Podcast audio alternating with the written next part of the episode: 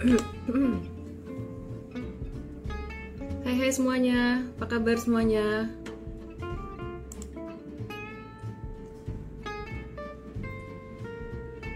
Halo Jessica, halo Sharnita, M-Trade, Kwangchen. Halo teman-teman semua, apa kabar?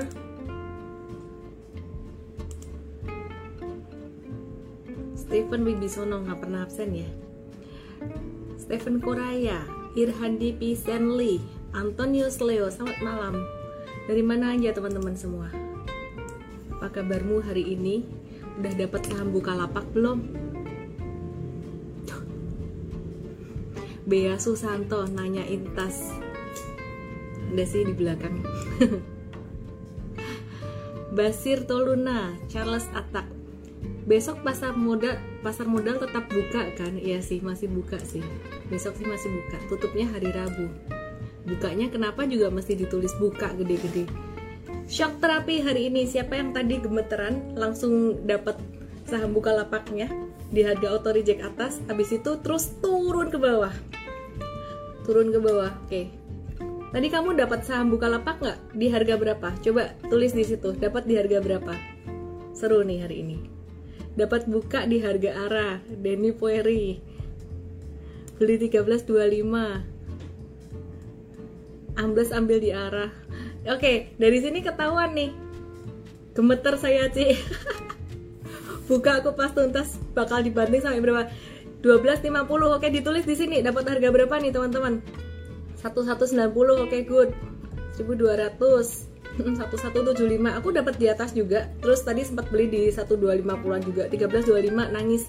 Nggak usah nangis. Nanti kita bahas ya teman-teman semuanya ya di sini nih ketahuan sebenarnya teman-teman terus perasaan kamu apa tulis di situ harganya berapa terus perasaan kamu apa tenang-tenang aja atau deg-degan atau gemeteran.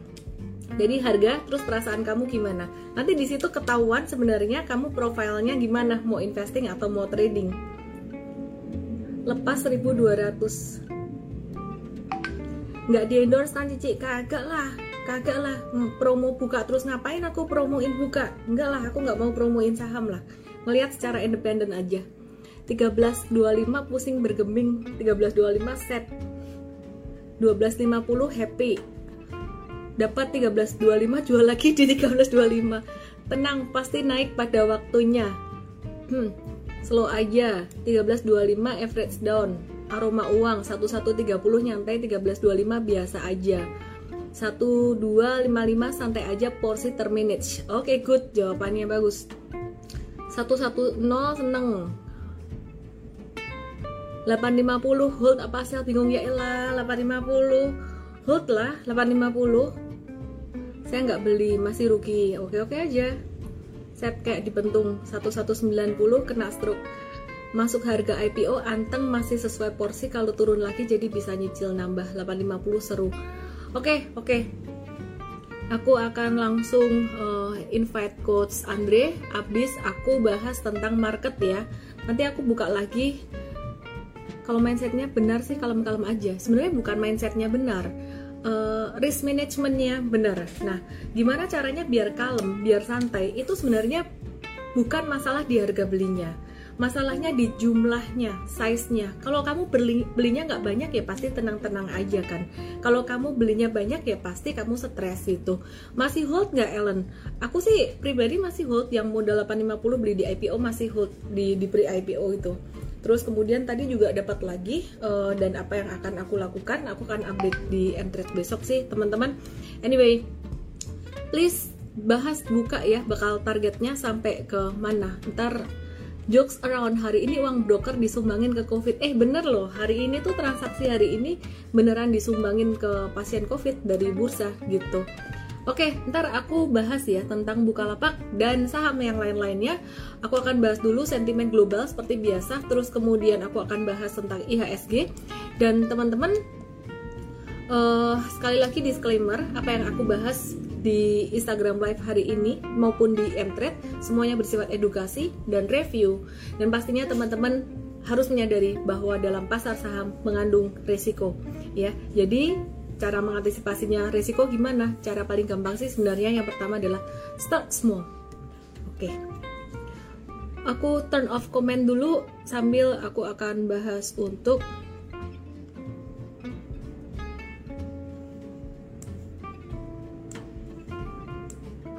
akan bahas buat uh, market ya secara general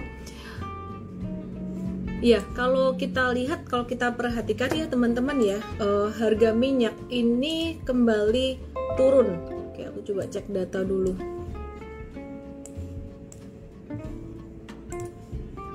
Aku cek data dulu ya teman-teman ya.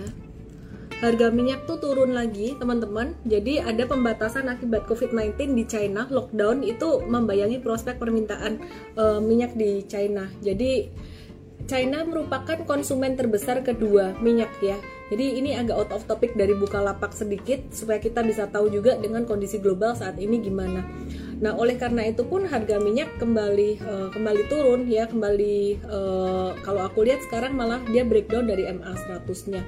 Jadi stay away dulu dari saham-saham minyak untuk sementara ini. Terus kemudian harga saham komoditas lainnya ini juga uh, turun seperti gold dan juga copper. Copper ini tembaga turun ya.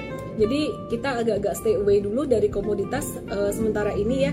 Nah, teman-teman kalau kita perhatiin juga dari dalam negeri, indeks kepercayaan konsumen pada bulan Juli 2021 kemarin masih agak-agak slow down gitu. Jadi agak turun ya dari angka 107,4 di uh, bulan sebelumnya di Juni, Juli kemarin turun jadi 80,2. Hal ini terjadi karena PPKM ya, karena uh, adanya pembatasan kegiatan masyarakat gitu.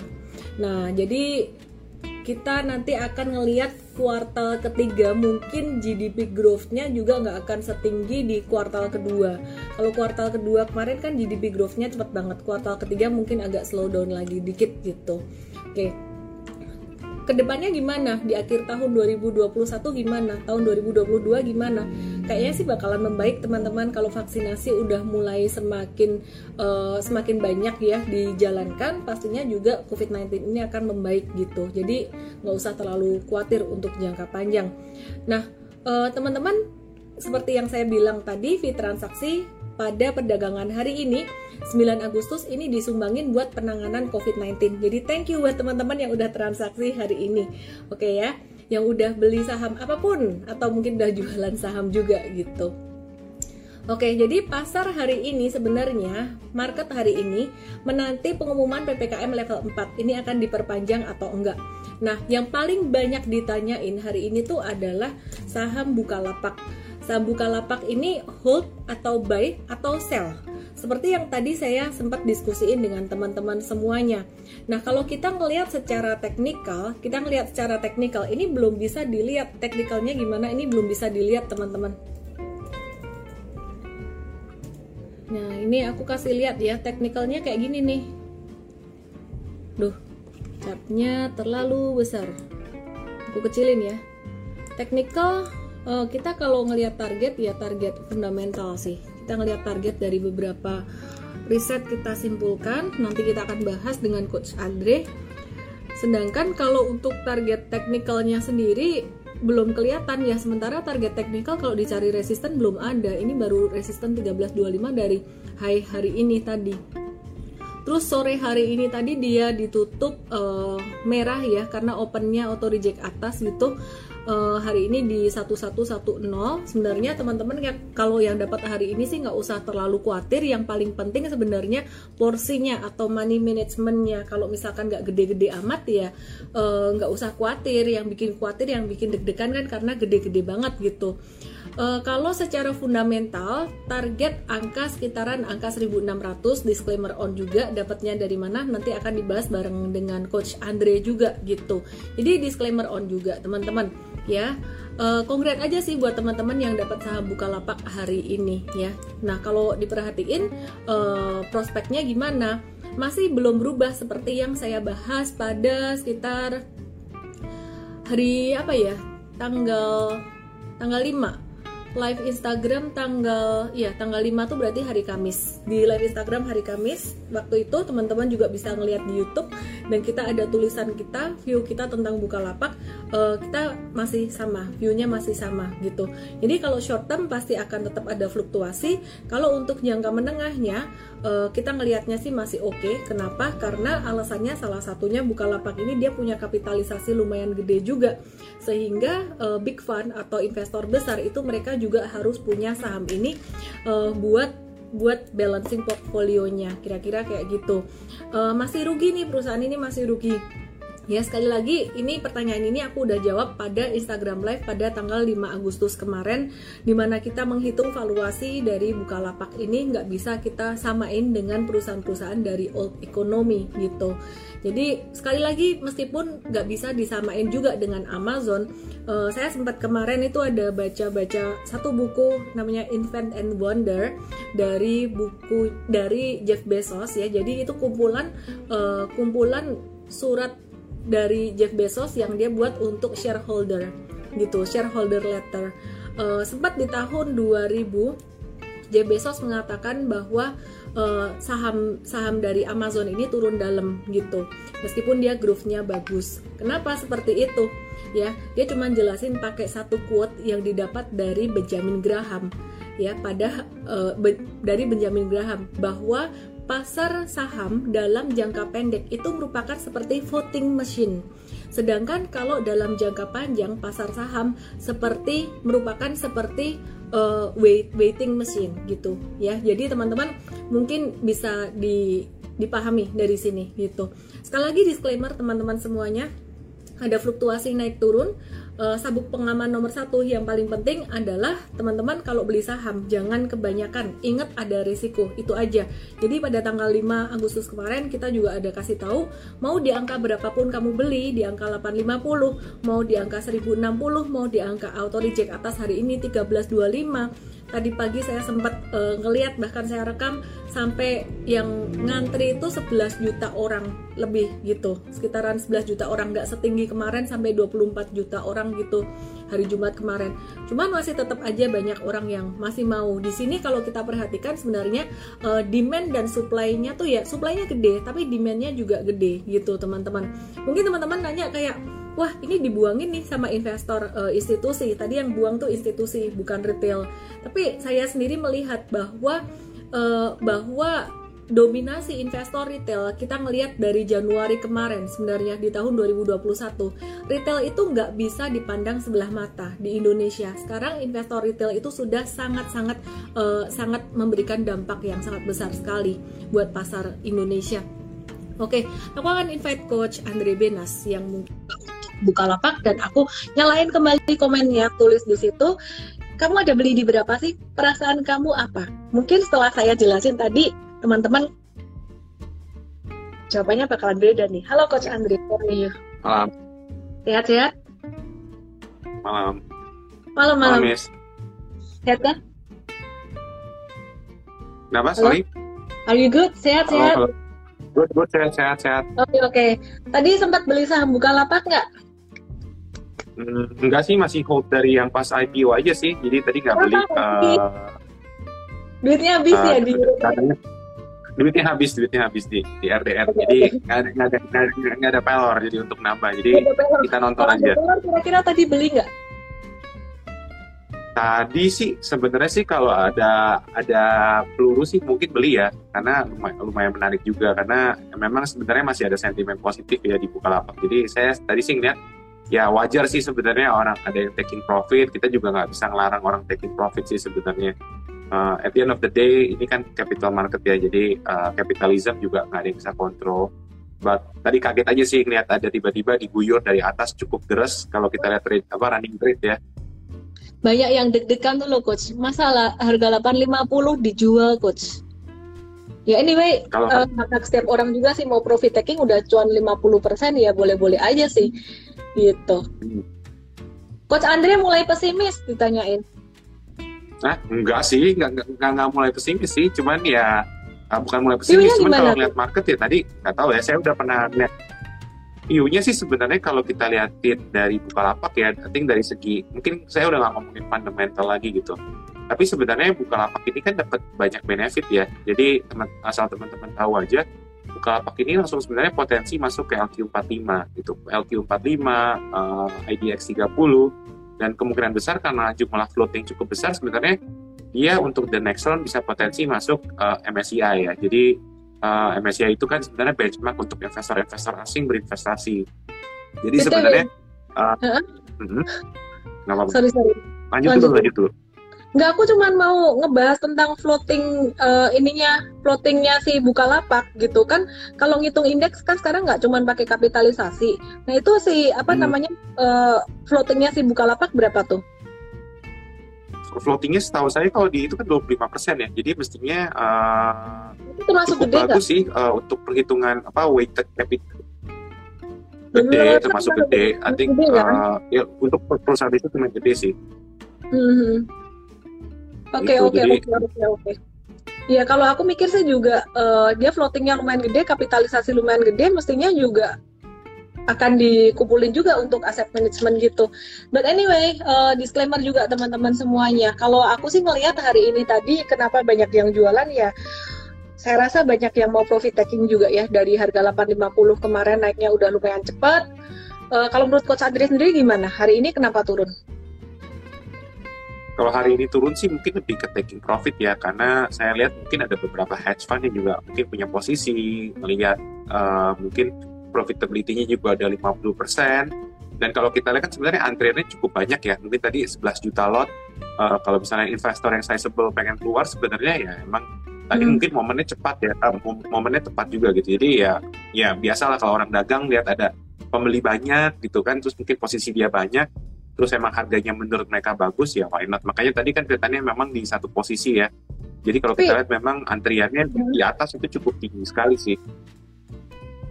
Iya, jadi sebenarnya kalau aku ngelihat ya hari ini tuh sebenarnya menarik banget loh. Bukalapak kan begitu dia tadi diguyur kan ya. Itu antrian 11 ribu tuh langsung hilang sama terus turun kan.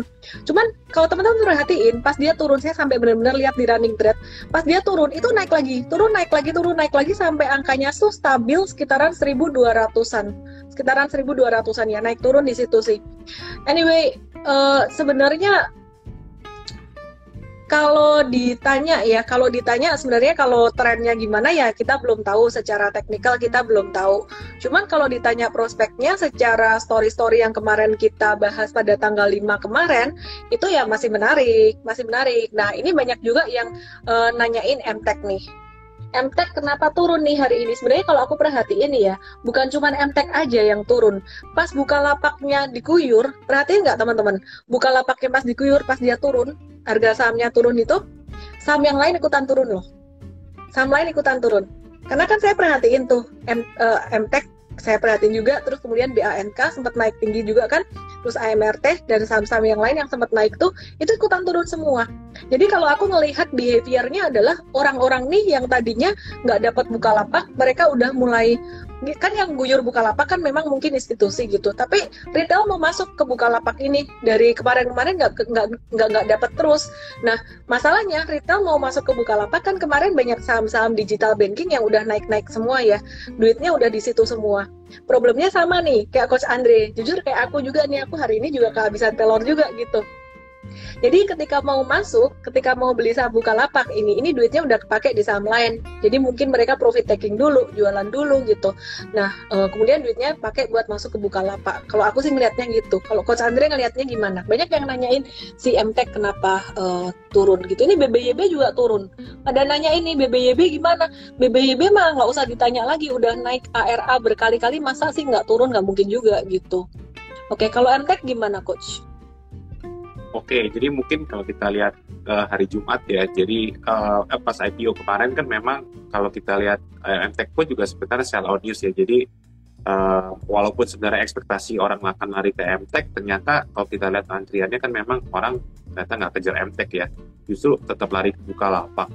Dan hmm. kalau kita lihat uh, shareholdernya MTech yang sebelum-sebelumnya, saya rasa juga at that time ya ini baik lagi ini behavior uh, pemain saham ya kalau misalnya emang pas ketika newsnya udah ada beritanya pasti mereka akan jual. I think ini kejadian sih di MTech uh, di hari Jumat. Nah untuk hari ini kalau kita lihat market sebenarnya pas buka lapak longsor market kita tuh langsung turun mungkin by 1,5 persen ya. Uh, eh, jadi turun minus 1,22 persen, Bri. iya, langsung turun iya, iya makanya satu makanya langsung segitu makanya kan kalau kita lihat market capnya apa kan kemarin kan pas dibuka itu kan sekitar 80 t ya sekitar hmm. 80 t kalau tadi turunnya cukup dalam ya kalau misalnya yang tadi bisa langsung turun dari 20 plus 24 persen turun hmm. ke single digit kan berarti kurang lebih sekitar 10 sampai 15 persen ya 15 iya. persen itu kalau dari 80 t kan sebenarnya cukup tinggi ya nah ini impactnya hmm. apa ini impactnya juga ke, ke market weighting juga ya jadi banyak-banyak passive fund yang kalau bisa cuman ini auto trading gitu. Jadi karena karena marketnya udah turun banyak, otomatis yang mereka pakai algo-algo itu terutama yang dari asing, mereka udah auto auto sell ke saham-saham yang lain gitu. Jadi impactnya yeah. sebenarnya ke arah sana gitu. Makanya MTech turun banyak. Kemudian juga kalau kita uh, big, big banks juga turun banyak. Jadi sebenarnya sih koreksi tadi sih cukup wajar. Cuman kelihatannya yeah. agak sedikit extraordinary karena Bukalapak dihantamnya banyak sekali gitu. Ya, jadi ini tadi ada yang nanya juga, kenapa IHSG tiba-tiba diguyur? Sebenarnya bukan IHSG diguyur, duitnya pindah aja, duitnya pindah ke buka dan uh, di saham-saham yang berkapitalisasi besar tuh yang lain uh, turun gitu. Yang lain juga orang jualan kan ambil duit uh, dari saham-saham itu terus kemudian beli buka lapak dan kebetulan buka lapaknya juga pas lagi lagi banyak jualan gitu. Tapi gini aku ngelihatnya tuh kayak di buka lapak nih kayak ada satu pertarungan antara institusi versus retail. Yang menarik di situ. Tadi institusi sell kan retailnya beli kan sempat sampai di bawah. Retailnya beli ngelawan gitu. Terus jual beli jual beli kayak gitu terus. Dan itu menarik banget tadi. Nah kita lihat aja nanti institusi versus retail siapa yang menang. Karena di Januari kemarin itu retail yang menang loh. Ya jadi uh, jumlah investor retail itu waktu itu lebih besar daripada institusi. Oke nah kalau menurut coach Andre nih gimana nih? Eh sebentar ya aku bahas BBYB dulu ya. Teman-teman BBYB sebelum aku bahas yang lainnya nih ya. Sebelum aku bahas yang lainnya ntar aku mau bahas tentang power dari uh, institu dari retail versus institusi Re investor retail dan uh, versus institusi gitu. Mungkin nanti akan dibahas sama coach Andre. Aku mau kasih lihat untuk BBYB uh, sorry HP-nya terlalu dekat nggak kelihatan. Aku mau kasih lihat BBYB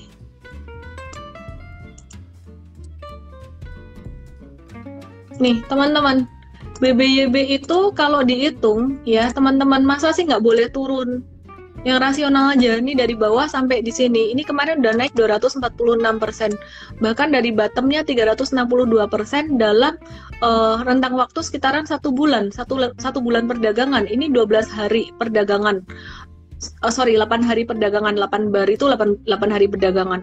Atau dua minggu sekitaran tuh naik 246 persen. Jadi ini ada sedikit landai di sini wajar dong uh, perkiraan sih bisa koreksi normal, ada koreksi normal ya. BBYB bisa lanjut koreksi lagi kalau besok buka lapaknya masih orang-orang masih buru buka lapak, bisa nih orang-orang profit taking ke BBYB ada koreksi normal. Tapi kalau ditanya BBYB bakalan naik lagi nggak? Perkiraan aku sih masih akan lanjut ini ya. Jadi ini belum selesai sih BBYB.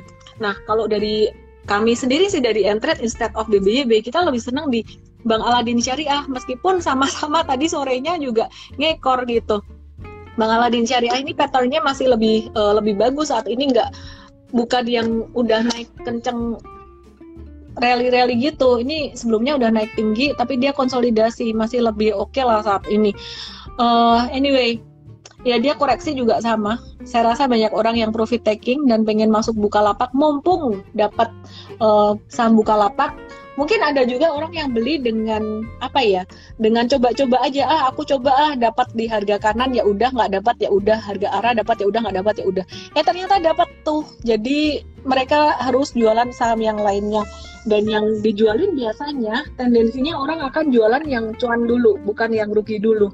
Kira-kira benar kayak gitu nggak coach Andri orang-orang suka jual untung atau jual rugi nih Iya, balik lagi ya tergantung strategi masing-masing. Mungkin hmm. kalau yang udah lebih profitan kayaknya mereka kan jual yang rugi. Hmm. Tapi ya rata-rata sih pasti jual yang untung dulu biar bisa masuk hmm. ke saham yang mungkin lagged ya. Jadi hmm. uh, mungkin ini salah satu alasan kenapa tadi bank juga naik ya. Menurut saya bank ini uh, lagged di antara bank-bank digital yang lain gitu. Jadi hmm. kalau yang lain udah naik duluan malah bank malah lagged kan. Jadi ya wajar sih kalau dapat money flow kan si si BRI hmm. juga yang harus hold 8 bulan siapa aja Miss institusi.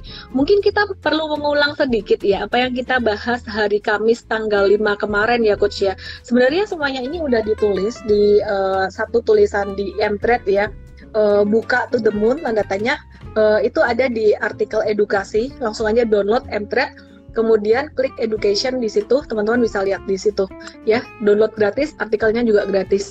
Mungkin bisa dijelasin nih, yang harus ngehold 8 bulan siapa aja sih? Gitu institusi. Tapi kok institusi tadi bisa jualan bukannya institusi jualan uh, institusi ngehold 8 bulan ya. Terus institusi yang mana nih yang jualan tadi gitu. Pertanyaan terbesar itu sebenarnya kalau untuk yang ngehold itu kalau kita baca prospektus adalah 55 existing shareholdersnya Bukalapak ya. Jadi Nah ini bagi uh, para investor Bukalapak yang mungkin udah ikut dari uh, series B, series C, dari dari pokoknya dari private marketnya ya. Jadi kebanyakan kayak investor seperti GIC, uh, eh, Government of Singapore, itu dia nggak boleh jual uh, selama 8 bulan gitu. Kemudian juga karyawan, direksi, nggak boleh jualan. Teman-teman ingat si Bukalapak ini kemarin IPO cukup besar ya, uh, sekitar mungkin hampir 80 T gitu. Jadi nggak semuanya itu uh, termasuk di 55 existing shareholder. Jadi any, anyone yang bisa beli pas kemarin pas IPO level itu bisa hmm. jual uh, kapan aja gitu. Jadi sebenarnya nggak nggak ada nggak ada uh, aturan yang menyatakan bahwa uh, yang beli di IPO harus tahan gitu. Kalau nggak kita semua kan pasti harus tahan.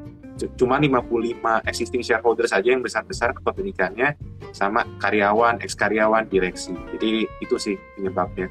Itulah hmm. one of the reason kenapa mereka nggak boleh jual. Jadi hari ini tuh yang jualan tuh institusi-institusi siapa sih? Maksudnya bukan siapa menyebut namanya enggak gitu loh. Institusi yang kayak gimana yang hari ini yang jualan?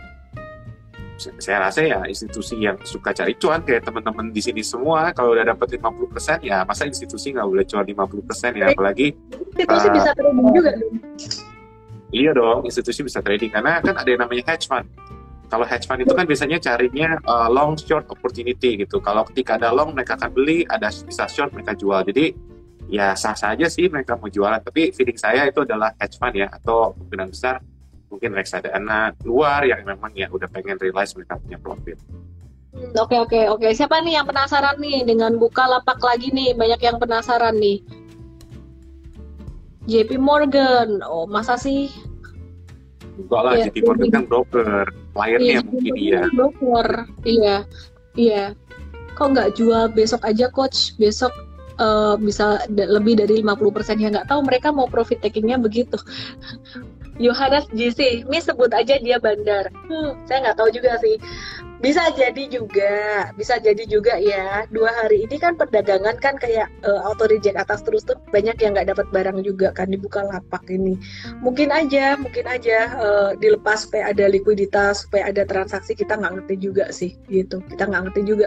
Ya intinya batasin resiko. Nomor satu cara ngebatasin resiko adalah dengan nominal itu sih ya dengan nominal. Oke coach, kita bahas saham yang lain yuk. Dari tadi ngebahas buka lapak terus nih. Jadi teman-teman hmm. ya selama uh, ngebelinya bukan all in all in gitu. Kalau ngebelinya all in ya pasti deg-degan gitu. Uh, buka besok bisa ARB nggak? Hmm, mungkin kayaknya bukan besok bisa ARB atau ARA. Dua-duanya bisa teman-teman. Sangat tahu sangat tahu lah. sekali, sangat volatile sekali. Ya buat teman-teman yang galau, yang merasa stres kayak, aduh gimana sih aku takut, aku takut berarti kamu belinya kebanyakan. Kalau pas naik better di unload aja alias dijualin dikit gitu, ya. Kalau kamu merasa tenang, berarti porsi money management, money management kamu udah pas gitu. Oke, okay, uh, eh, Coach Andre, mau bahas apa lagi nih? Uh, mungkin tadi ya banyak yang ngomongin tentang ppkm ya. Jadi ppkm katanya diperpanjang sampai 16 Agustus. Cuman tadi ada yang baca bahwa mall apa 25% udah buka. Jadi ya menurut saya sih sebenarnya positif sentimen ya kalau ngeliat mall udah buka. Kalau kita juga sebenarnya restoran pun juga udah banyak yang buka kok cuman yang udah ada outdoornya gitu. Jadi sebenarnya saya rasa udah sedikit price in ya uh, yeah. uh, apa ppkm dibuka ini gitu. Jadi kemungkinan untuk retail stock mungkin bisa naik ya mungkin bisa naik. Cuman saya nggak yeah. gitu yakin karena mulai belum 100% banyak ini ya banyak yang masih nanyain buka lapak nih. Banyak yang masih nanyain buka lapak uh, target hmm. teknikal kan masih belum ada ya sebenarnya ya. Target teknikal ya pakai high yang tertinggi tadi hari ini gitu. Deket banget which is 1325 kalau target teknikal kalau target fundamentalnya sendiri ini di range berapa sampai berapa ya? Mungkin beberapa sekuritas udah ada uh, riset-riset gitu. Coach Andrea ada perhatiin nggak mungkin kalau untuk beberapa target fundamental sih saya lihat CGS YMB ngasih range mungkin 1500 kemudian juga ada yang 1600 1700 ya jadi uh, memang masih berada di kisaran mungkin double dari harga IPO ya Uh, untuk matrix yang dipakai ada saya lihat ada menggunakan price to GMV. Uh, kebanyakan sih mungkin pakai price to price to GMV ya. Jadi uh, mungkin kalau teman-teman masih bingung apa sih price to GMV? Uh, price to GMV ya hitungannya market cap dibagi dengan total uh, penjualan apa transaksi uh, Bukalapak yang masuk di cart ya, yang bukan di check out berarti kan kita kemarin udah bahas kalau TPV atau transaction process value itu yang udah di check out kalau GMV itu gross merchandise value yang belum di check out. Jadi kalau teman-teman ke Tokopedia, uh, Shopee atau Bukalapak, kalau teman-teman pilih barang, misalnya 10 barang uh, yang dimasukin ke dalam cart, yaitu uh, GMV. Jadi banyak valuasinya menggunakan ya, itu sih uh, price to GMV dan target price rata-rata tuh double dari harga IPO. Uh, range-nya pada kasih target di harga berapa ya rata-rata? Disclaimer juga teman-teman ya ya ini 1500 sampai 1600 tapi ini harga setahun ya teman-teman uh, karena kan kalau fundamental itu ngomongnya bukan mingguan atau bulanan tapi uh, based on target uh, harga tahunan karena target price ini saya banyak saya lihat pakai tahun 2022 uh, punya gross merchandise value. Hmm. Oke, okay, ini masih ada ada aja yang nanyain BBB udah dikasih tahu BBB udah berkali-kali auto reject atas. Jadi kalau ada koreksi normal lah, bahkan sampai ke 1120 pun masih oke, okay, normal. Uh, terus aku mau bahas tentang yang menarik juga hari ini tuh semua tuh ngomongin buka lapak padahal ada yang menarik loh dari perusahaan teknologi lainnya. Nih, coba dilihat. Ini sama apa nih?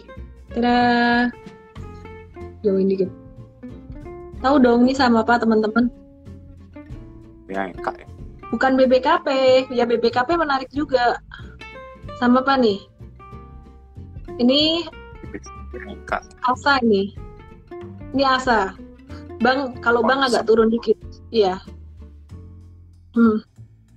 Ya, ini Asa nih. Jadi Asa hari ini breakout 2620 ya.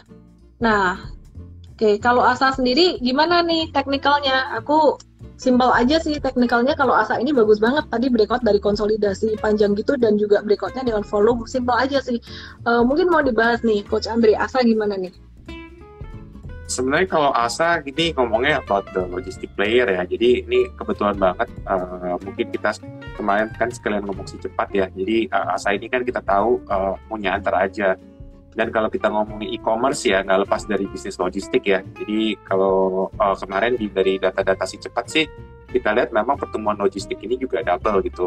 Uh, jadi sebenarnya untuk ASA potensi masih cukup besar karena ekspektasi dari pertumbuhan e-commerce itu by the time tiap tahun itu bisa naik 25% ya uh, secara secara year on year.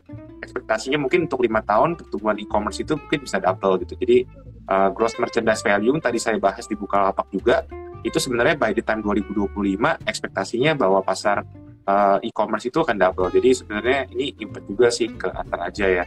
Uh, mungkin ini salah satu juga alasannya uh, antar aja juga bisa perform I think in, in this digital world. Hmm. Coach coach ini masih ada pertanyaan nih. Uh, trader sabar Buka bilangnya bukan exit strategi, tapi investor asing jualan bersih 600 miliar dalam sehari. Ini gimana nih jawabnya? Sebenarnya itu udah kita jelaskan tanggal 5 kemarin, tapi mungkin lebih baik dijelaskan lagi. Sebenarnya kalau jualan 600 miliar ya termasuk kecil ya, karena market cap 80 T itu. Jadi kalau misalnya kita ngomong 600 miliar ya nyampe uh, ya cuman oh, berapa? Cuman less than uh, berapa? less than 10% gitu uh, penjualannya. Dan sebenarnya wajar karena kalau kita tanya memang ke company kebanyakan yang beli juga institusi untuk dari Bukalapak ini adalah foreign fund gitu. Jadi ya kayak BPJS-nya negara-negara barat ya. Jadi nah sebenarnya sih kalau mereka net sell sih wajar-wajar aja gitu karena ya mereka pengen cuan juga lah. Bank digital rehat dulu kata Vina Okta 12 gantian naik capek. Hmm, menurut aku sih sebenarnya masih menarik ya, terutama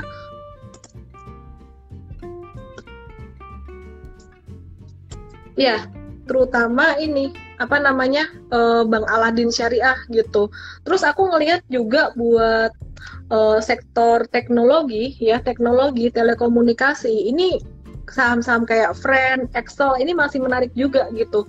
Excel tuh hari ini tadi sempet uh, sempet naik dikit sih, terus semua saham koreksi waktu buka sa buka buka saham, buka lapaknya koreksi gitu. Jadi aku ngelihat Excel masih potensial ada BANK dan AMRT hari ini tadi lumayan bagus sempat breakout tapi kemudian koreksi lagi ya aku ngelihatnya masih oke okay. kalau Coach Andre ngelihatnya gimana nih untuk Excel dan kawan-kawan untuk Excel sih sebenarnya kalau Excel sektor telco valuasi tetap paling murah ya. Jadi saya ingat sih sebenarnya Excel uh, not bad ya valuasinya kalau teman-teman cari alternatif di balik Telkom atau mungkin bisa yang udah mahal. Dibanding Friend pun juga sebenarnya ya Excel jauh lebih murah gitu. Cuman kemarin memang karena sentimen ya News lah teman-teman. Mungkin kan kemarin ada rumor si Excel mau beli link kan beritanya udah kejadian gitu. Terus uh, kalau kita lihat kan kelihatannya pas lagi pengumuman market banyak yang Salon News gitu kemarin hmm. kalau kita lihat juga mereka udah keluarin laporan keuangan laporan keuangannya juga ya not that bad not that good jadi so-so gitu jadi ya wajar sih orang yang banyak jualan tapi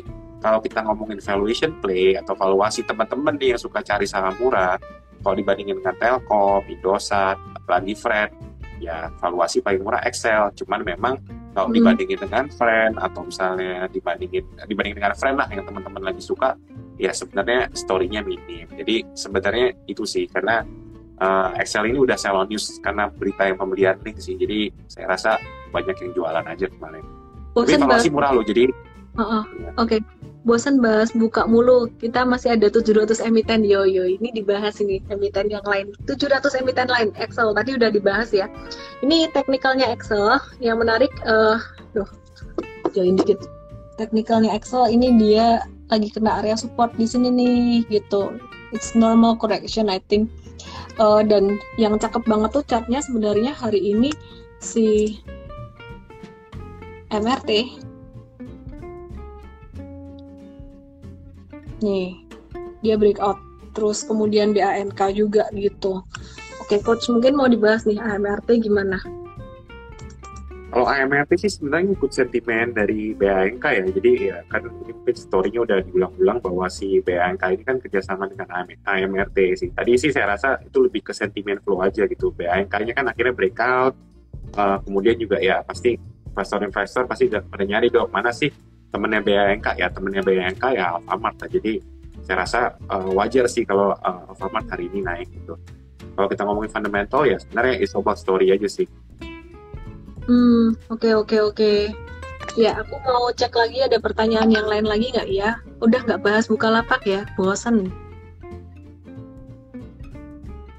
nggak bahas buka lapak ya. Masuk yang nanya deposit berapa? Sama Amazon ada yang nanya minimal deposit di Mtrust berapa? Kita tuh layanan edukasi teman-teman belum jadi platform. Gimana gimana kok tadi ada mau bahas apa?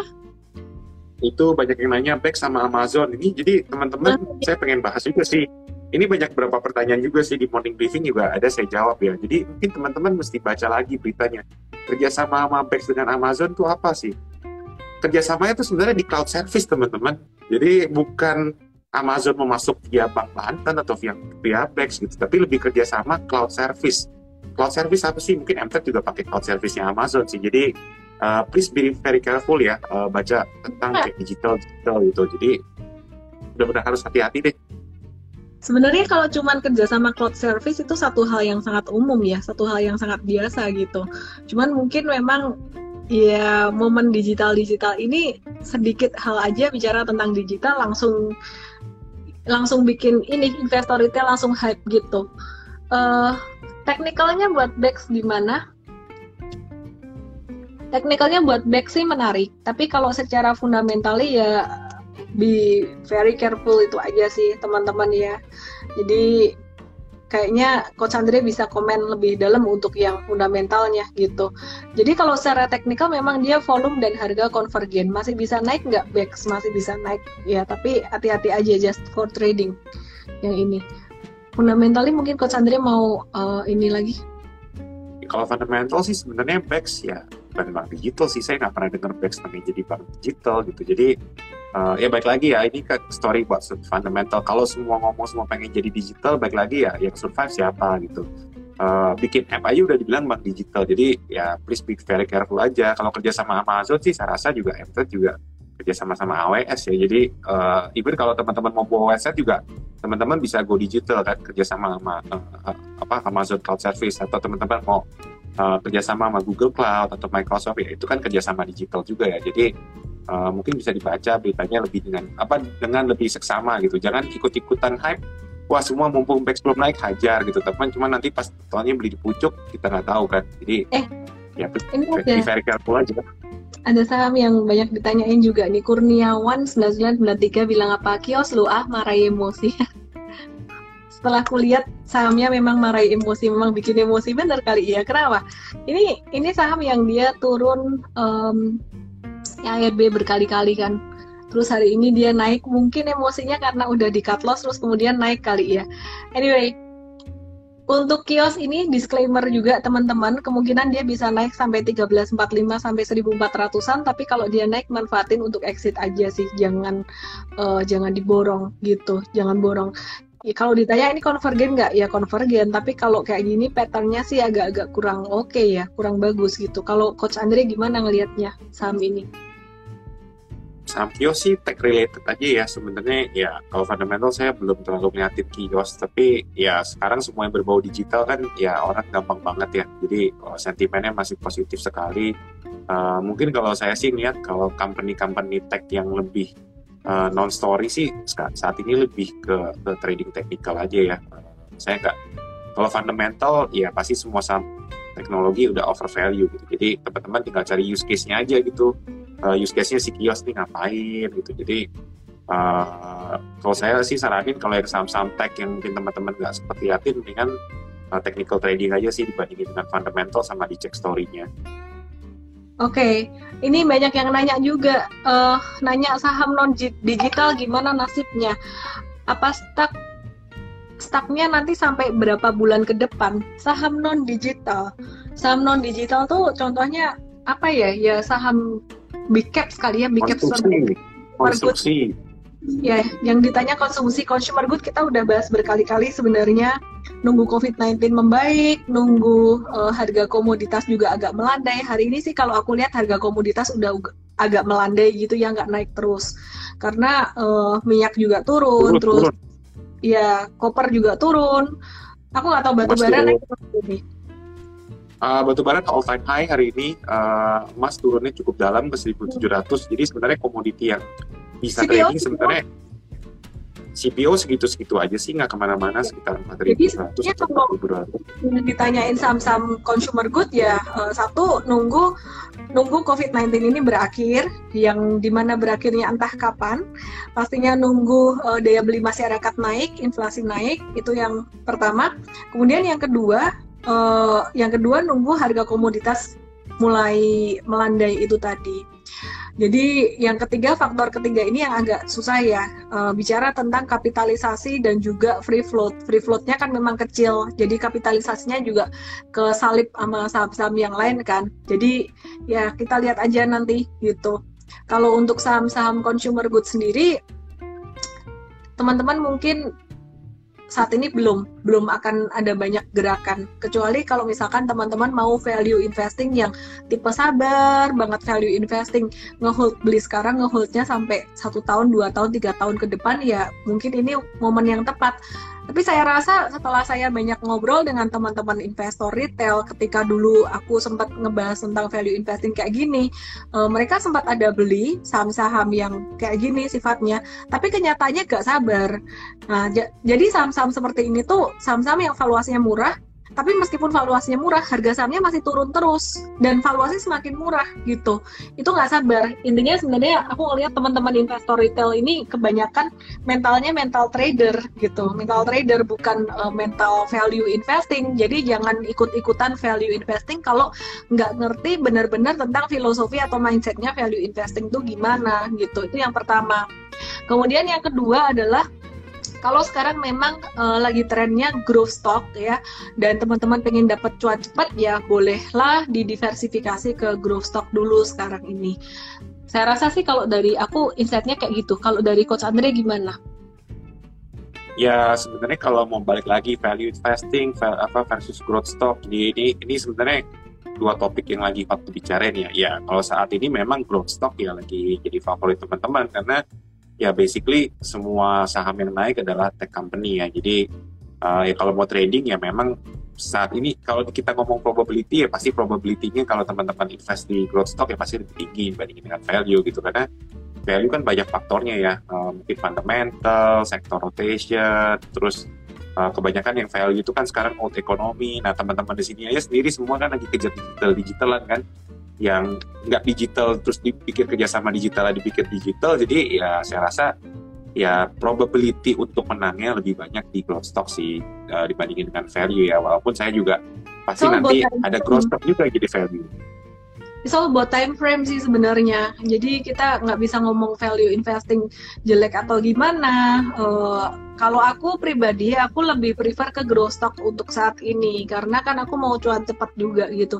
Tapi aku nggak ngomong yang value investing itu jelek atau gimana enggak. Mungkin aja mereka bisa menuai uh, hasilnya beberapa tahun lagi. Tahu-tahu mereka cuan sampai ratusan persen atau ribuan persen dengan tanpa transaksi-transaksi, tanpa buang-buang komisi broker kayak gitu, tanpa banyak bayar biaya komisi broker, we never know gitu. Aku mau bahas satu saham lagi di sini, ini saham bank digital juga, Jago, Bang Jago atau Arto. Nah kemarin tuh bagus tuh ya, dia udah di area support di sini nih. Hari ini tadi juga sebenarnya udah oke okay loh openingnya tuh di atas dan udah mau naik. Nah ini turun juga nih. Kalau teman-teman perhatikan turunnya, aku lihat kasih lihat uh, harga real time-nya ya. Sorry, harga intraday-nya ya. Harga intraday-nya ini turunnya tuh mulai sesi kedua. Ya, jadi sebentar, ini tanggal 9 9 Agustus ya di sini ini pagi masih oke, okay, terus kemudian mulai sesi kedua tuh mulai turun, which is ini juga sama karena orang-orang uh, lebih prefer untuk masuk ke buka lapak, buka lapak, buka lapak tadi. Kota Andre gimana dengan uh, Bang Jago atau Arto? Hmm, kalau Bang Jago sih sebenarnya udah lebih ke trading stock ya, maksudnya ya buat investable universe oke, okay, tapi buat trading stock nama market cap juga udah lebih besar kemudian juga pergerakannya juga udah nggak seliar kayak uh, bank-bank kecil yang lain ya. Jadi uh, lebih trading stock aja sih. Kalau kita ngomongin fundamental ya fundamentalnya ya kita mesti lihat use case-nya dari penggunaan ekosistem GoTo ya. Jadi uh, sebenarnya kalau kita ngomongin fundamental pasti juga kita hitung ini makan susah sulit juga itu untuk perusahaan-perusahaan kayak Apto jadi sebenarnya lebih ke use case aja sama teman-teman mesti perhatiin announcement announcement aja dari Bab Jago sama ekosistemnya sih. But overall for me, I think uh, Arto is more trading stock sih sekarang karena kan kalau kita lihatin target price juga target price-nya juga udah di 20 ribu. Uh, mungkin ada yang lebih tinggi tapi upside-nya udah nggak setinggi zaman dulu ya. Jadi menurut saya sih lebih trading stock sama momentum stock aja sih. Banyak banyak banget yang nanyain baca, nyebut baca nggak dibahas, Miss. Iya, ya, aku bahas ya. Sabar ya. Oke, baca ini termasuk saham yang dia volatilitasnya tinggi sekali. Sering ngekor. Kesimpulannya apa? Kesimpulannya sebenarnya saham ini lumayan uh, berisiko, lumayan riski. Tadi entret kalau yang short termnya ada cut loss, tapi untuk jangka menengahnya rasanya masih nge-hold sih buat jangka menengah. Aku sambil cek dulu ya.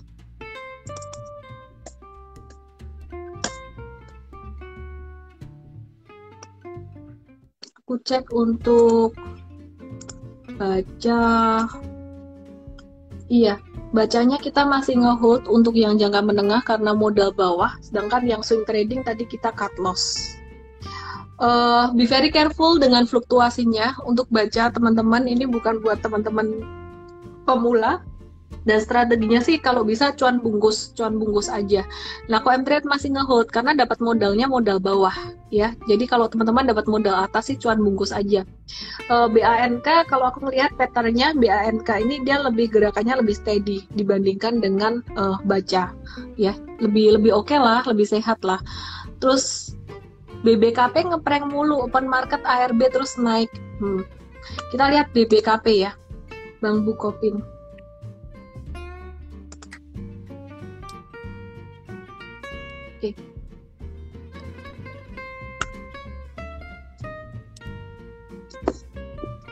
aku kasih lihat untuk Bang Bukopin hari ini. Sebenarnya gerakan Bang Bukopin ini kemarin sempat turun dalam itu wajar juga teman-teman. Kenapa? Kan dia udah uh, naik tinggi hampir auto reject atas. Itu dua kali, dua hari berturut-turut. Ya wajar aja profit taking gitu. Jadi BBKP hari ini tadi sebenarnya lumayan naik juga ya. Dia naik di awal terus sama turunnya tuh sesi 2. Pas buka lapak diguyur tuh semua ikutan turun gitu. Jadi teman-teman kalau BBKP aku lihat sih masih potensial, masih cukup potensial. Any story? Andre? BBKP sih story-nya sebenarnya Bosowa kan diberitakan out ya dari uh, eh, BBKP. Jadi sebenarnya itu positif sentimen karena berarti Bank akan menjadi uh, pengendali mayority ya. Cuman baik lagi kalau saya baca di market sih story-story digital lagi gitu. Cuman kalau ngomongin ekosistem sih ya jujur saya nggak gitu yakin ya dengan ekosistem yang dari uh, eh, BBKP karena kan dia nggak nempel sama e-commerce atau mungkin nggak nempel sama ride hailing gitu. Baik lagi ya kalau semua bank digital ya pemenangnya kan nggak semua bisa jadi pemenang ya. Jadi uh, please be very careful aja sih kalau kita ngomong ekosistem gitu. Jadi ya, but the main story sih sebenarnya uh, Bowosowa katanya dikabarkan mau exit dari uh, BBKP gitu. Jadi menurut hmm. saya itu lebih positif sentimen dibandingin digital banknya sih. Hmm, oke okay, oke. Okay. Nah kalau untuk BN uh, BNBA sendiri gimana Bang Mumi Arta? Bang Mumi Arta ini secara fundamental juga nggak terlalu gimana-gimana banget. Tapi kalau untuk teknikalnya rasanya masih lebih mending kan ya resiko volatility-nya dibandingin dengan uh, apa tadi ya baca, bandingin baca. I think itu aja sih teman-teman ya. Uh, besok kita akan update lebih detail di morning briefing. Kita akan kasih data lebih detail lagi di morning briefing ya. Uh, besok di morning briefing Coach Andre kira-kira mau bahas tentang apa ya Coach ya? Di MT. Mungkin lebih mungkin pagi mungkin lebih ke market malam ini kali ya karena uh, kita lihat pergerakan uh, US bond yield kan naiknya cukup signifikan tuh. Jadi saya rasa ini ada uh, pengaruh juga sih. Saya rasa uh, ketakutan market on tapering ya. Jadi makanya tadi market pas session 2 udah sekalian dibantai, bantain aja gitu. Plus hari ini Tokyo libur juga gitu. Jadi saya rasa ada pengaruh liquidity, kemudian juga sentimen apa uh, US dollar gitu. Jadi uh, balik lagi banyak faktor sih nggak hanya buka aja. Global malam hari ini ya dampaknya buat besok apa gitu ya. Hmm. Oke. Okay. Oke. Okay. Rabu, kayaknya Rabu libur kan, jadi kelihatannya mungkin market besok bisa ada sepi juga sih volume yang I don't know. Ya ya kita tunggu aja besok ya.